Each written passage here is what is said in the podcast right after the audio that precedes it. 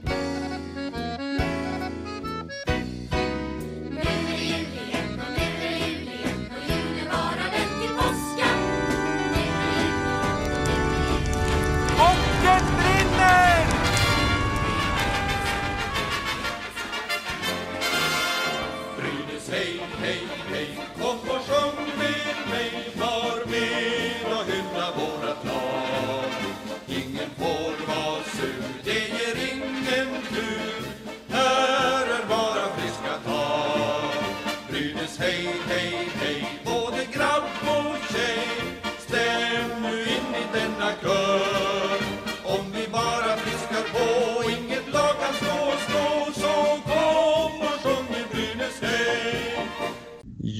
Nalkas och vi är nu inne på årets sista avsnitt av den här Brynäs-podden.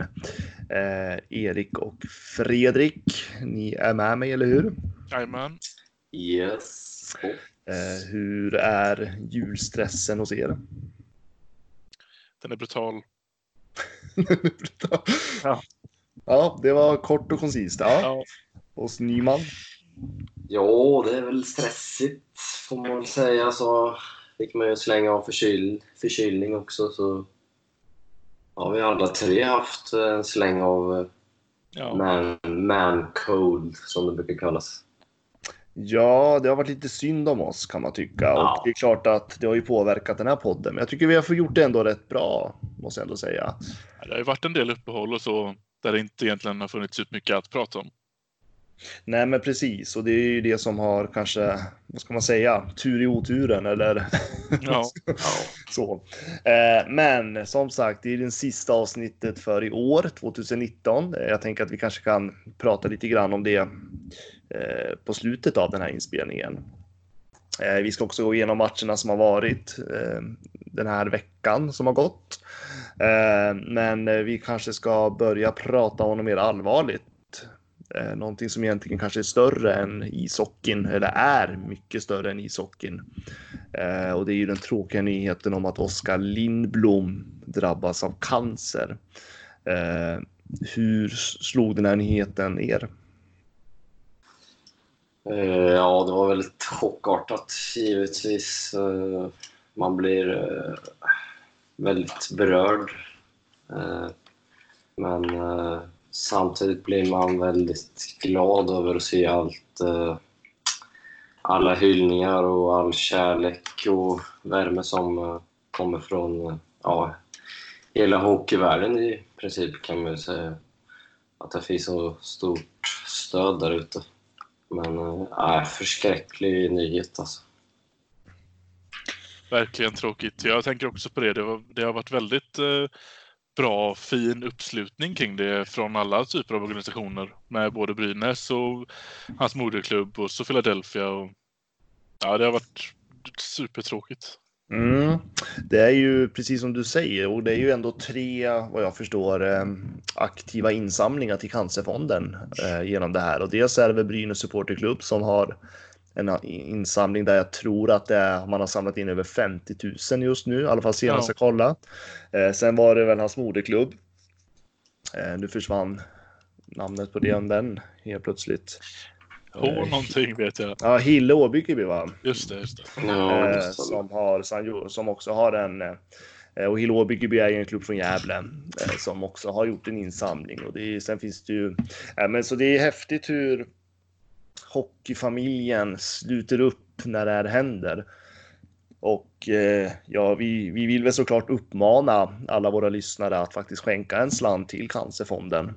Eh, och eh, dels eh, en liten tanke till Oskar Lindblom naturligtvis, men också till all, andra som är drabbade för att alla känner ju någon nu Mm. för tiden som ändå har drabbats av cancer eller är drabbad av cancer.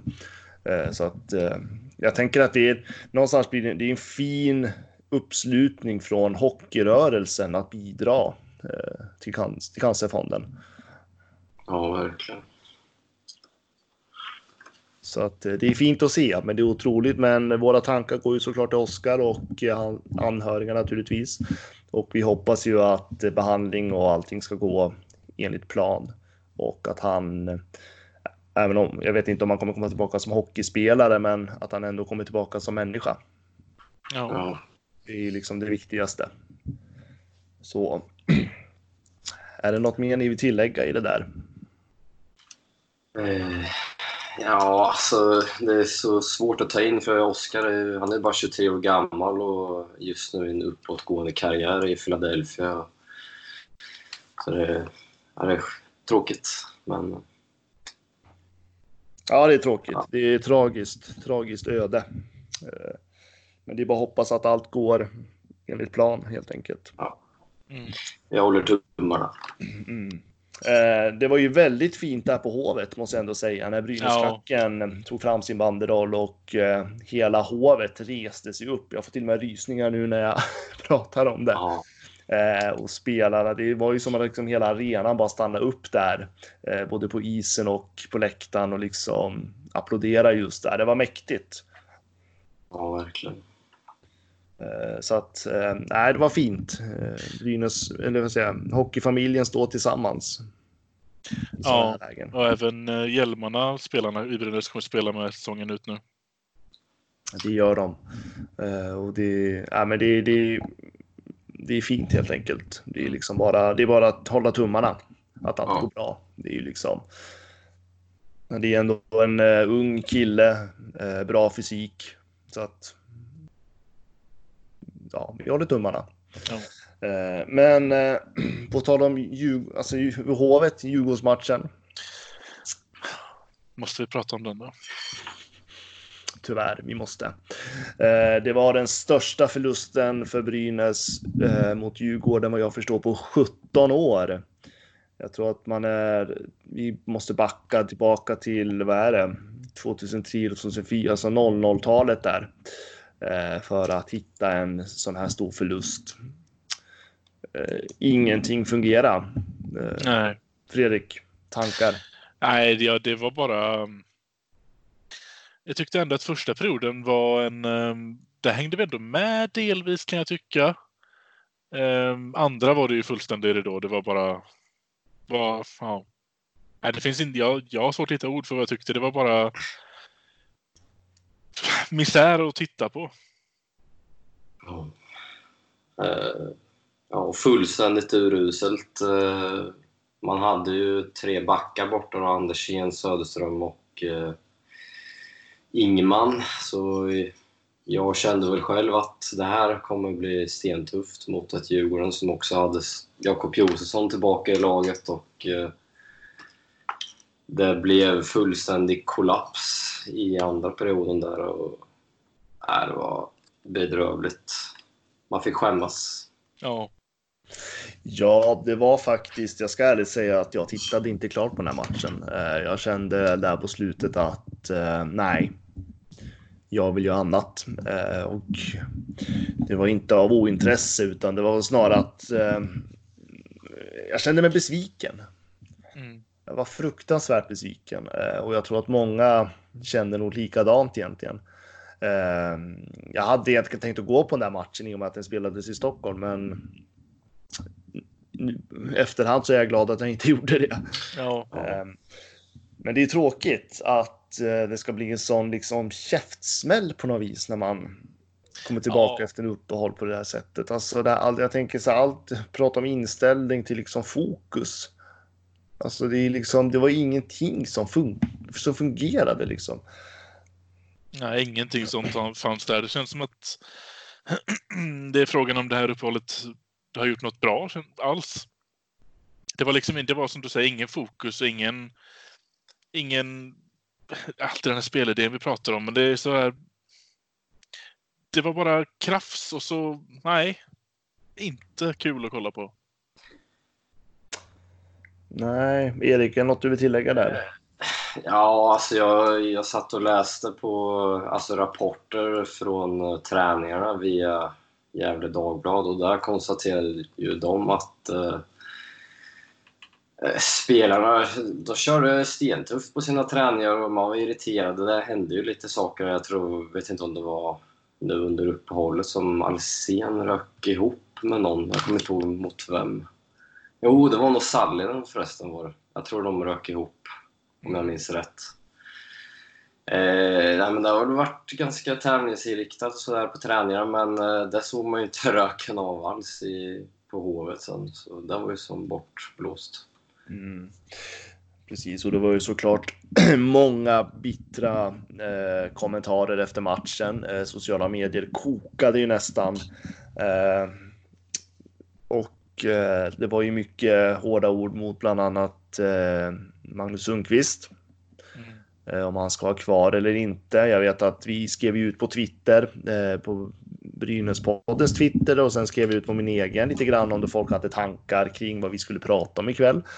Eh, och det var ju många som, mycket frågesättande kring Brynäs, alltså ja, hela höst egentligen. Det här med tränare, eh, varför han sitter kvar när det har sett ut så här. Jag menar, vi, man pratar om revanschen innan säsong. Och så mm. gör vi en sämre säsong. Eh, det är ju liksom en, en, den fjol, en, en, gång, en fjolårets säsong och så ska vi och så har man pratat om någon form av revansch och liksom man ska ha byggt upp det här laget. Det, liksom, det klaffar inte med... Jag vet inte hur, hur jag ska sätta ord på det. Uh, men nej, men det är inte mycket som klaffar alls. Nej, det, det blir liksom inte... Uh, och det blir ju någonstans, och det är det jag tror händer i och med att det är så skört just nu. För Brynäs hade ju ändå, ändå, vi har ju ändå haft en höst där vi nu på slutet vi ändå har lyckats ta lite poäng och så. Mm. Uh, men jag tror att helheten, det blir så skört på något vis så att när man gör en sån här förlust eller när man gör de här misstagen, när det blir de här matcherna, att det blir så jäkla kraftigt reaktion. Och, och, och, det tror jag att folk ser, att Brynäs är inte bättre. Vi har ju 17 blivit sämre. Ja. Ja, minsta lilla känns som att, att det kan verkligen skapa en kedjereaktion på sociala medier. Men det är väl rätt välförtjänt i det här laget, börjar det kännas som. Ja, ja. Jag tycker det. Du då, Erik? Nej, jag, jag saknar eh, någon form av identitet i Brynäs. Jag saknar en tydlig spelidé. Eh, spelare som inte levererar fullt ut. Eh, ett försvarsspel som har varit under all kritik från början till eh, nu. Det är upp och ner. Man vet inte vart man har Brynäs. Och, jag såg statistik här ikväll. Eh, powerplay-spel som var bedrövligt. De tio första man låg på 5 procent.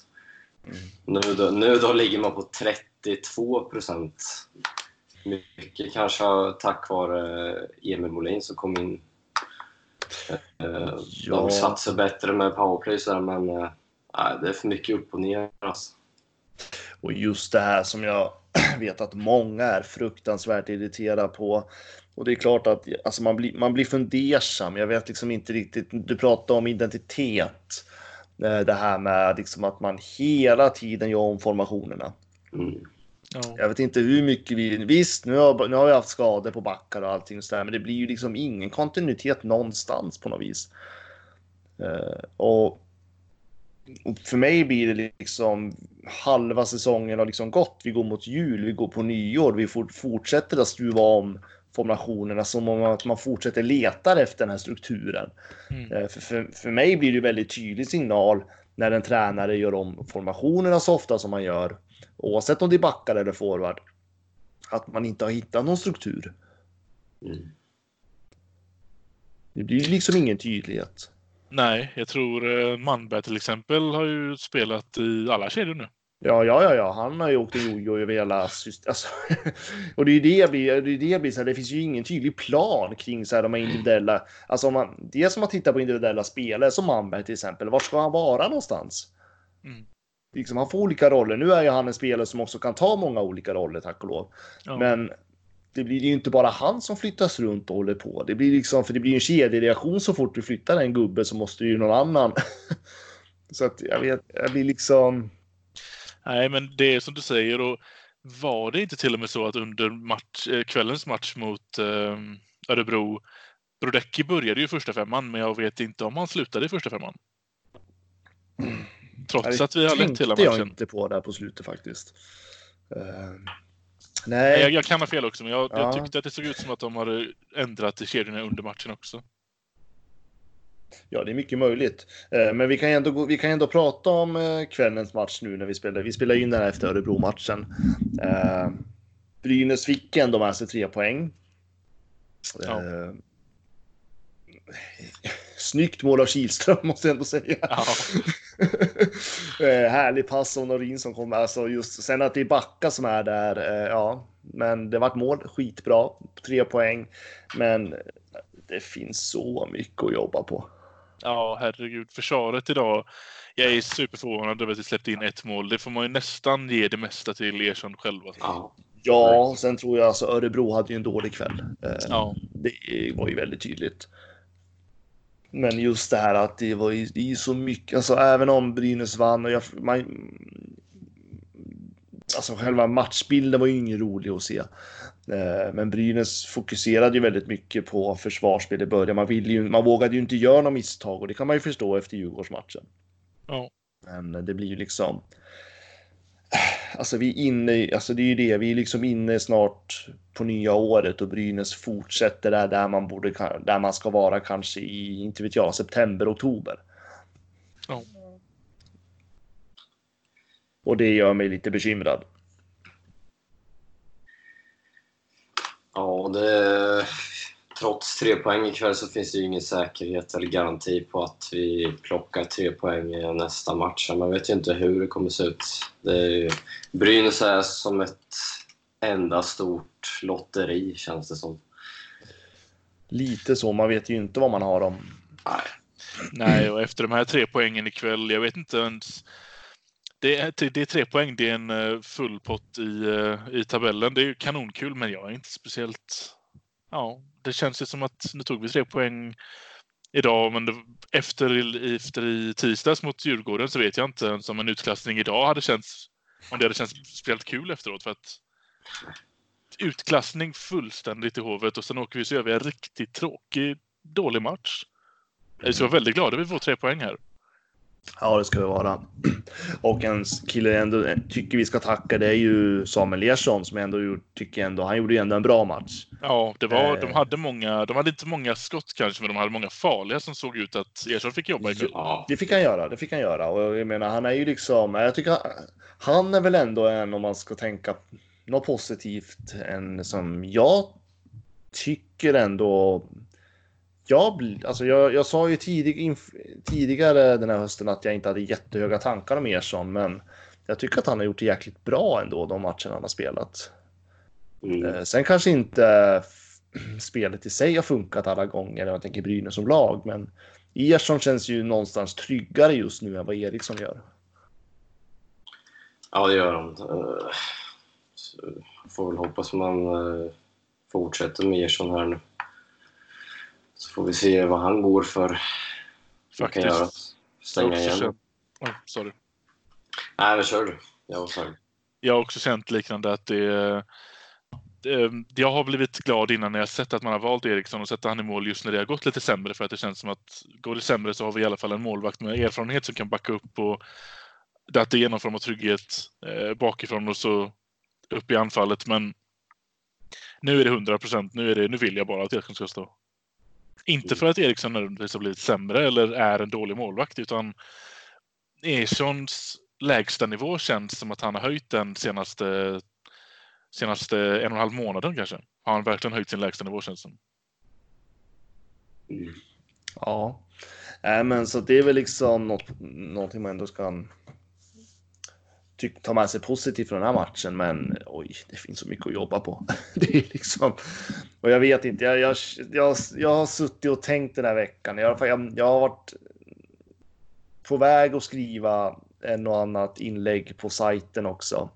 Eh, men det har liksom inte jag har inte kunnat formulera mig riktigt på något sätt och jag känner mig någonstans bara att man känner sig liksom en besvikelse. Alltså det är bara en tung besvikelse Oh på liksom hur hela det sportsliga, hur man har agerat. Jag liksom, eh, man, man tittar liksom på ett Växjö som ändå har vär, värvat under hela hösten liksom för att försöka lösa det här och bry Och visst, nu säger inte jag att Växjö kommer bli ett topplag, men de har ju ändå börjat klättrat liksom.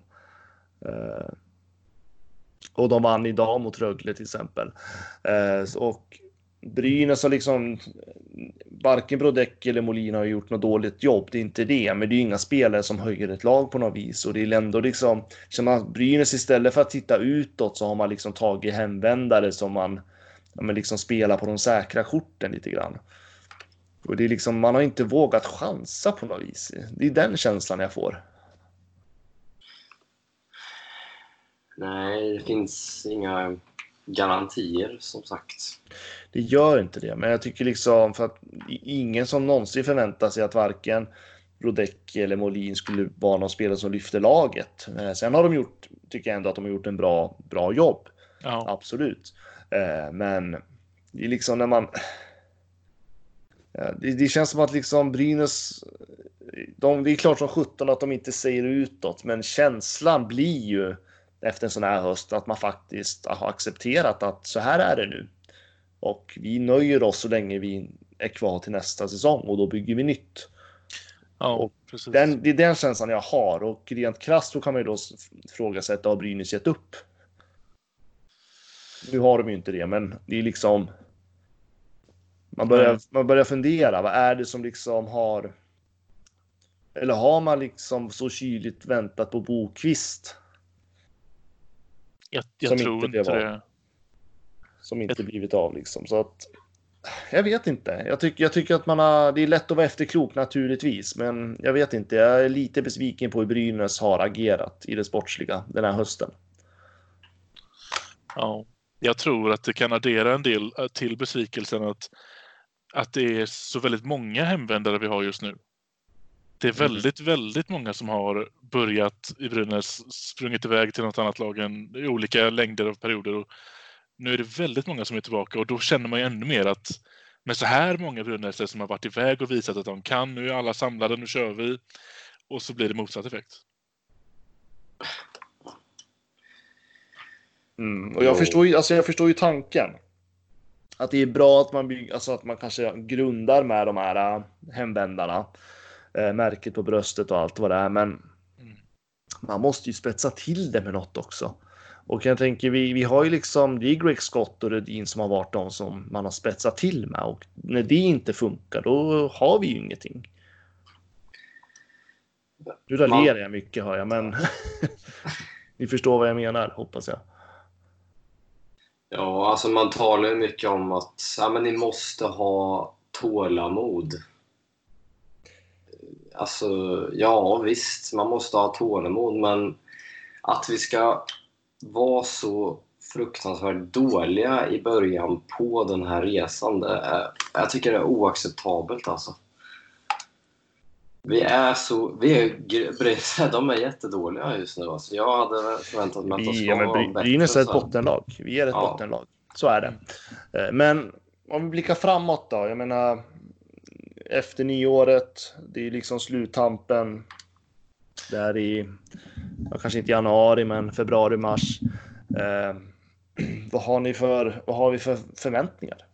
Kommer Brynäs lyfta eller kommer vi hamna på 11, 12, eh, bästa av värda tionde plats?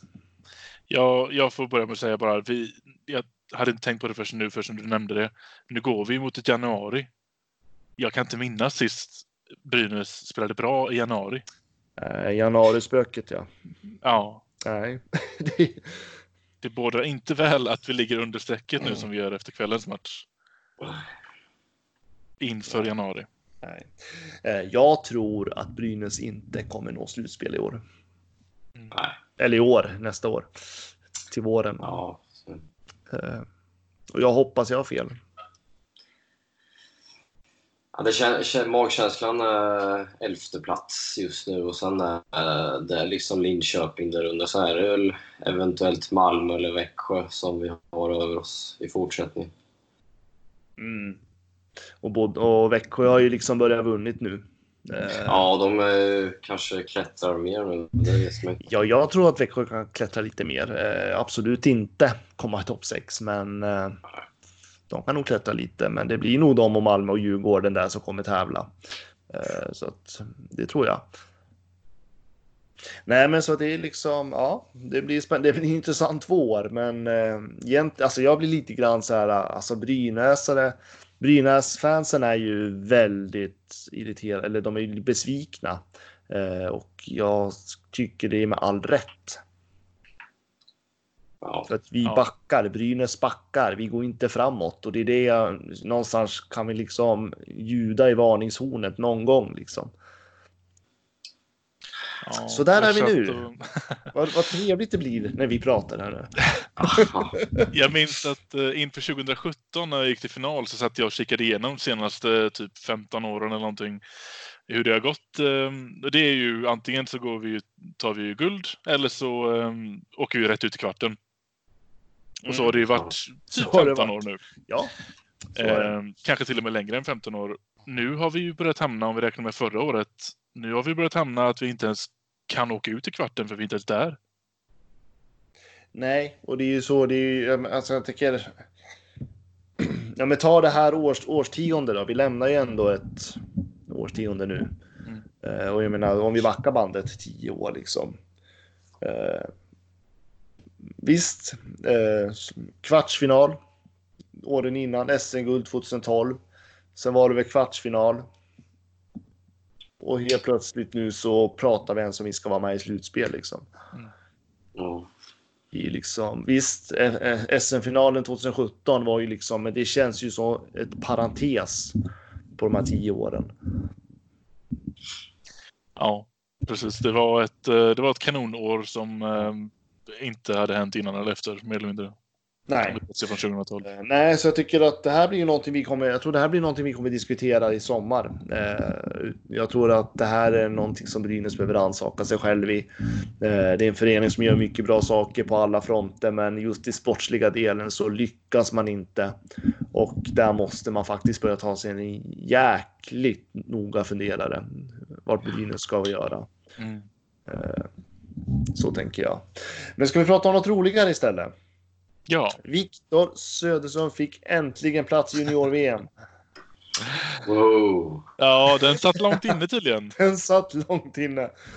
Eh, tråkigt för Brynäs naturligtvis, eh, men eh, skitroligt på samma gång och jäkligt roligt för Viktor.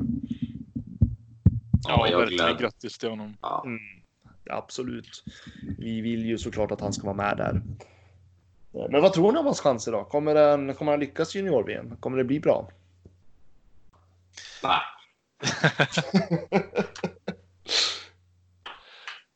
Jag vill ju tro att om han får en... ja, nu, eftersom han är en bland de sista backarna som kommer in så antar jag att han inte är topp fyra eller topp två backarna som han kommer spela. Vilket jag tror han hade gjort bäst. Det är, där han, det är den typ av istid han behöver för att spela bäst. Nu kommer han kanske få lira som um, tredje backpar eller fjärde. Och det är tråkigt. Det är väldigt synd för han har ju större potential än så. Mm. Ja, det har han definitivt. Och jag förstår, alltså jag begriper inte eh, vad Thomas Montén eh, tänker, om jag får säga så. Eh, varför han inte tog med Viktor i början eh, och sen tog han in han och sen så beskyllde han på media att eh, att journalistkåren skötte det här för dåligt. Eh, jag tycker snarare det är han som inte har lyckats kommunicera alls hur han tänker.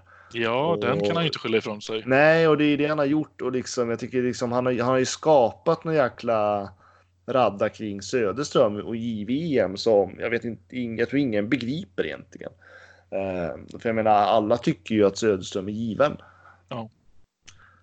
Eh, så att jag hoppas att Viktor nu får chansen att bevisa att han faktiskt ska vara i de där kanske lite högre backparen.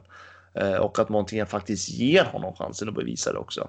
Ja. Eh, Det behöver ju inte vara i matchsituation, det kan ju vara träning och allting också liksom. Eh, Ja, ger Montén Söderström chansen så tror jag att Viktor tar den. Och jag är jäkligt glad för Viktors skull att han fick åka med nu till eh, Tjeckien och spela i VM. För eh, man har ju läst och sett i intervjuer att han eh, verkligen ville åka till JVM så jag håller mina tummar i alla fall. Och sen kan man ju diskutera huruvida stor chans det här laget har den här gången. För det ser ganska tunt ut på forwardsidan så som jag har förstått det i alla fall. Ja, det gör det. Ehm, jag håller nog med om att det, det, här JVM. Jag brukar alltid gilla att kolla på alla JVM-matcher och försäsongen för den också. Jag tycker det är skitkul. Ehm, det här VMet kanske kommer att handla lite mer om att, om att ehm, vad heter det, zooma in på Söderström mer för min del. Mm. För jag tror inte att laget kommer gå speciellt långt. Men eh, det har varit kul om Söderström kunde få, eh, få med sig ett självförtroende med tillbaka. För det förtjänar han verkligen så bra som jag tycker han har varit. Mm. Absolut, och junior-VM kan ni följa på svenskafans.com. Vi har en gedigen junior-VM-redaktion i år där faktiskt Daniel Westergren från Brynäs-redaktionen eh, ingår. Eh, Så att han kommer att skriva massa om junior-VM den här julen och nyår. Så det ska bli riktigt roligt att se. Eh, Så att eh, vi rekommenderar att gå in på svenskafans.com under turneringens gång. Det kommer vara både om Sverige och andra lag. Så att det blir spännande. Kul! Mm. Trevligt. Så det måste vi lyfta fram tycker jag. Mm. Men eh, om vi ska avsluta på något sätt då. Eh, sista podden för i år. Sista podden för det här årtiondet. Eh, jag, om jag ställer frågan så här. Eh, vi, ni har det här spannet på tio år. Vilken spelare i Brynäs har imponerat bäst på er? Oj. Mm. Gud, Då vilken vill jag säga att de var inte beredd på den här frågan. Nej, det var vi inte. Ah, fan alltså. Ja, du satte oss på pottkanten. Ja, det var Ja. en pottkant det. Hmm. Det har ju hänt så jäkla mycket på tio år. Ja. En spelare Som alltså. har imponerat bäst, alltså som har spelat i Brynäs.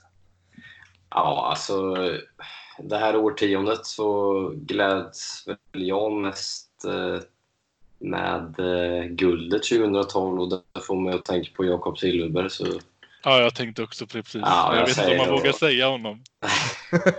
ja, det är ju fel kort alltså. ja, det är ju det. Men eh, vilken jäkla spelare alltså. Tänk om vi hade haft en sån spelare idag, i dagsläget. Ja, alltså han var ju komplett både som spelare och också lagkapten skulle jag vilja säga. Eh, jag tror inte Brynäs har haft en sån lagkap genuin lagkapten eh, som kunnat ta de här intervjuerna som han gjorde så jäkla bra. Eh, så att jag säger också Jakob Silverberg. Nej, men... okej. Va? Eh, ja, absolut. Jag har inte tänkt klart här ändå. Men, eh, Nej, du, jag trodde du var enig med oss här. ja, jag, jag vill inte vara det riktigt. okej, ja, det är helt okej. Det är helt okej. Det var också den första jag tänkte egentligen, men jag vill ju känna någonting mer. Han var väl kanske med oss inte superlänge inne på det här årtiondet. Han gjorde ett jäkla Ja, avtryck. han var ju ändå med där i början de första åren. Ja, men det blir väl två då? Eller två och en halv, tre? Två och en halv. För han stack ju direkt Ja, efter det guldet. Och Ja, det var det ju gjorde han. 2012, så att det, kan ju inte, det är ju inte superlänge liksom. Ehm, så det här Nej. var svårt. Fan. Jag kan, jag, kan, jag kan säga så här, Jakob Silverberg började spela i Brynäs 2008 och 2009, alltså den säsongen. Ja. Eh, Så då spelade han 16 omgångar den säsongen. Eh, Ja, så men det kan vi inte så räkna med det- eftersom det inte är det här årtiondet. Nej, nej, nej, men jag tänkte att han var med 2010, 2011, 2012. Det var det jag ville säga. Mhm. Tre säsonger. Tre säsonger, så att det tycker jag ändå är rätt bra för att vara tio. Tre säsonger av tio. Jag är inne på, ehm, jag är inne på antingen Lindblom eller uh, Bokvist. Det känns så pass fresh fortfarande och de är ändå spelare som har gjort en väldigt, de har gjort en lika tydlig uppgång som Silverberg tycker jag. Man ser Mm. liksom hur de har växt och blivit belönade med att åka över till eh, NHL hela gänget. Jag landar på Bokvist. Mm. Bokvist. Eh, vilken av dem? Jesper. Jag hade Ja, velat säga Adam, men han, ja, jag var en av de som tyckte att han gick över alldeles för tidigt. ja, mm. Så Jesper Ja, Bokvist. det håller. Mm. Yes. Ja, men det är bra. Då är, då, du, du ville inte vara enig med oss där. Nej, det tog emot. Okej, ja, men år, år, eh, årtiondets flopp då? Vi måste ha en sån. Ja. Förlåt. Åh, Jag har ju... Jag hade rätt höga förhoppningar på Miller som kom för några år sedan. Mm, mm. Han kom ju Jaha. verkligen med ett CV som vägde tyngre än hela Brynäslaget kändes det som. Han gjorde ju ingenting. Det var han, eh, han var från De- spelade Detroit. Ja, eller var det. Boston? Eller var det Boston kanske? Ja, jag kommer bara ihåg att jag vet att jag läste väldigt mycket om honom och tänkte att shit, det här är ju, det här är ju klart nu. Då har vi vunnit redan. Ja, jag, har, jag har en given kandidat där, ja. Alltså det har du. Mm, det har jag. Och eh, han spelade med Brynäs, alltså han kom till Brynäs 2010. Eh, 2010-11, den säsongen, så vart han lånad till Brynäs. Eh, och det var ju den eminenta Thomas Greis Okej. Ah, ja, ja, gud, det glömmer jag aldrig. som var så hypad när han kom till Brynäs och var liksom som någon frälsare där. Eh, gick väl sådär. Ja, det var, jag, Eh, var inte första matchen där släppte han sju puckar? Då? Ja, det kan, det, kan nog, det kan nog vara något sånt. Så Och 7-1. eh, Brynäs dåvarande tränare Niklas Czarneski, han envisades med att fortsätta köra grejs där ett tag. Eh, det var spännande. Ja, Grais för övrigt eh, har eh, etablerat sig på nytt i NHL i alla fall kan jag ju tala om. Ja, alltså, karriär, alltså hans karriär efter eh, Brynäs-tiden, då har det ju ändå gått rätt bra för honom. Det ska Ja. man faktiskt tillägga. Jag vet inte, han, han, det gick rätt bra för honom innan Brynäs-tiden också. Ja. Det var liksom, jag vet inte vad det var som hände, men ja. 32 omgångar spelade han med Brynäs i alla fall. Ja. Eh, han, ja, ja, det var spännande, en spännande värvning. Eh, ja, fan. Det finns ju ett gäng som har gått genom åren. Det är ju en hel drös med floppspelare. ja. Alltså en av de ändå färska jag tänker på det är ju Cap, vad heter han? Louis Caparoso som Bengtzien Ja. värvade. De hade scoutat honom i Tyskland och sådär men eh, annars kanske fy fan vad svårt. Det här var svår, riktigt svårt alltså.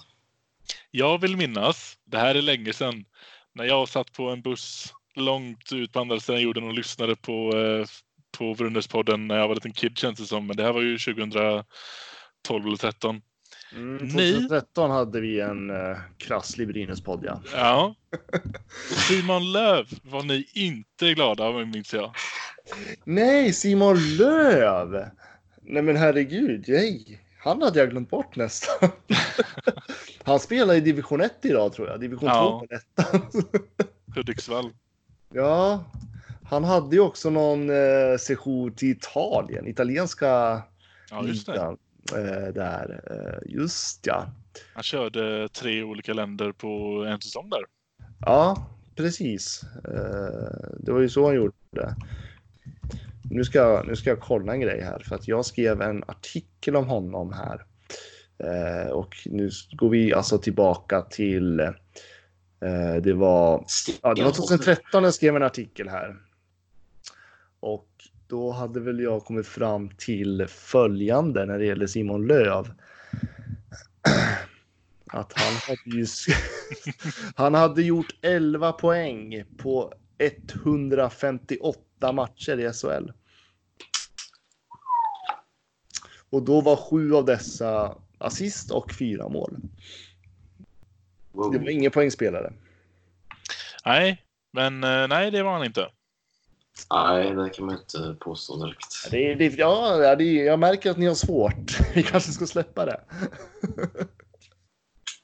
Okej, ska jag ta en sista fråga då? Kör.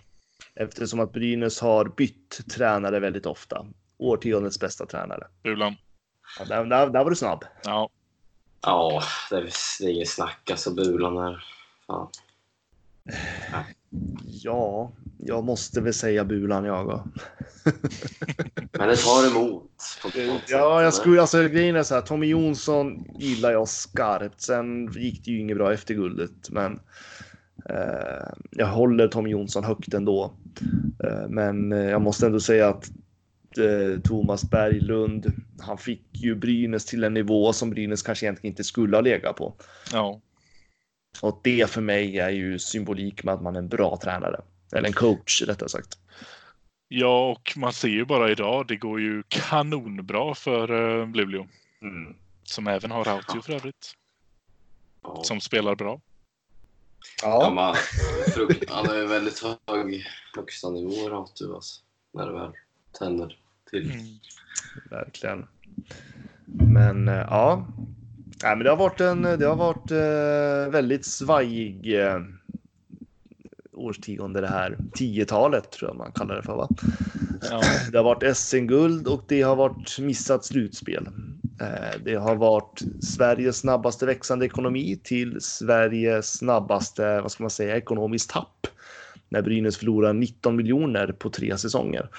Eh, Det har varit en otroligt rörig tid och frågan är om Brynäs kommer att stabiliseras eller inte.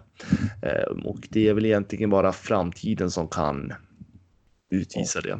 Mm. Eh, Jag tänker att vi kanske ska runda av med de orden. Ja. Och önska alla våra lyssnare en riktigt god jul och gott nytt år. Ja, god jul och gott nytt år.